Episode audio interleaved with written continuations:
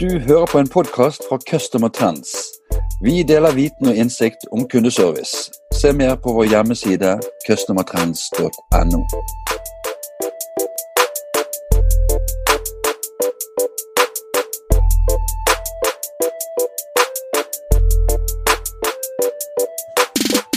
Hei og velkommen til en ny eh, kundeservice-podkast. Mitt navn er Bjarte Lysand fra Customer Trends. Dagens tema er Workforce Management.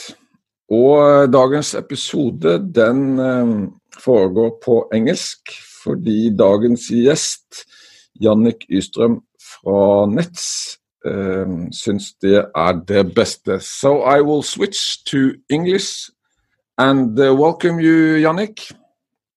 Hello, hello. Thank you. How are you uh, this beautiful day? I'm good. I'm good. Thank you. Working from home, uh, as most of the world is these days. Yeah.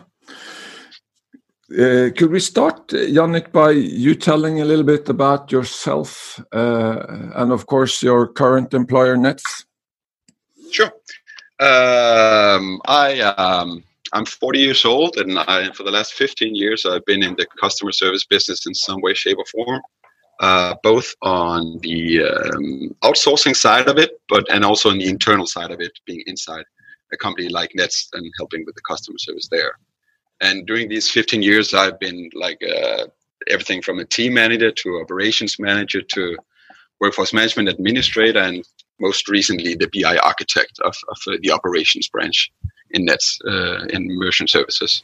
So I have a I have a good insight into how to run an entire customer service operation. Yes, you do, and that is why I'm so uh, grateful to have you as a guest today.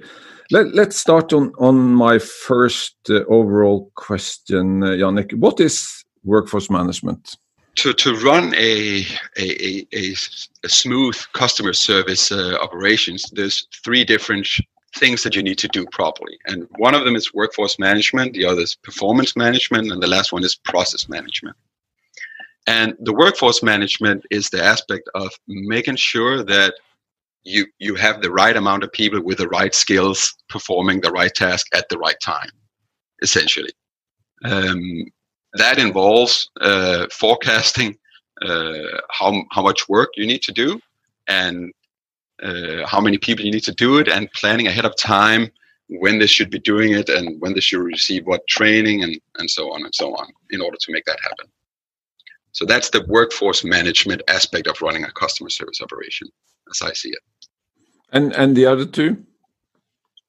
The other two, process management, is is where uh, you are monitoring your processes. How efficient are they? How often do they end up with a likely result? What's the approximate time uh, that you should spend on a given process, like the ideal time to perform it uh, optimally, uh, and so on. And the, the performance management is is is the part where you make sure that the employee are performing the processes accurately, how it's supposed to be done, and at, in the time uh, that it's supposed to be done in. So when you combine those three units, then you have then you're, you're doing everything that you're supposed to do correctly in, in a customer service environment. If I'm considering um, implementing a workforce management system, and I'm, mm -hmm. I'm, I'm I am um, uh, like evaluating uh, or considering based on my my size, what would you say is the minimum size of a call center to have um, benefits from a, a, workforce management system? Well, it obviously it depends what what workforce management systems you you get. You can get cheap uh, workforce management systems out there, like that, like in the cloud solutions, uh, you know, where you don't need any on on-premise installations or anything.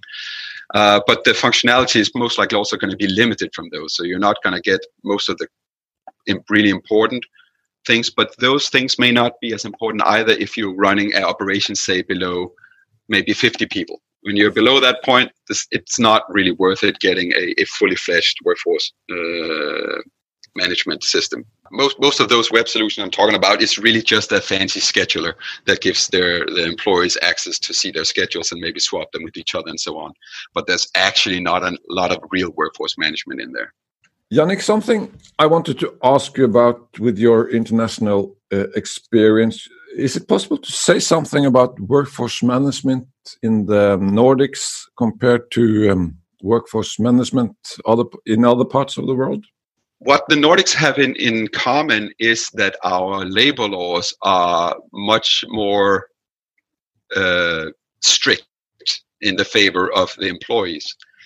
Um, so many many workforce management um, best practices, etc., that you can read about they are out on the on the internet is suited to an American environment or India or somewhere else where the workers don't have a lot of rights, um, and uh, which means that you can make much more drastic changes with shorter time span. But in the Nordics, you, you typically you you can't you can't let people go with less than three months notice and that's that's danish standard. I'm not in, entirely sure if norway follows it to the same degree but uh, somewhere in the same region as far as i remember.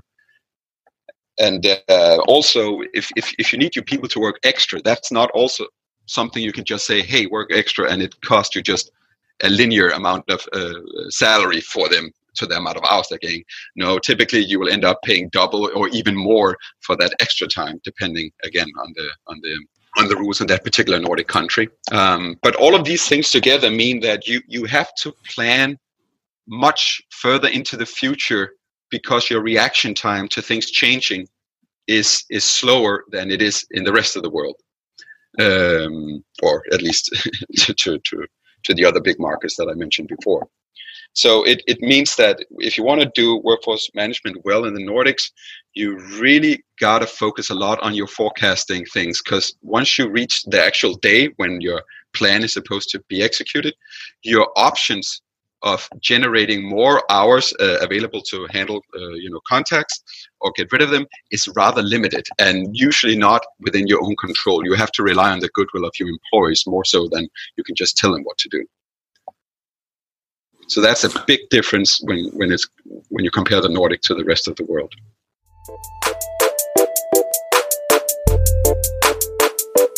Dette var bare en liten smakebit av denne podkasten. For å høre hele episoden må du bli abonnent hos Customer Trends. Som abonnent får du tilgang til viten og innsikt om kundeservice i form av podkaster med spennende gjester, artikler med aktuelle tema og analyser hvor vi går i dybden i de sakene som er viktige for deg. Alt det vi har laget er tilgjengelig for deg når du måtte ønske.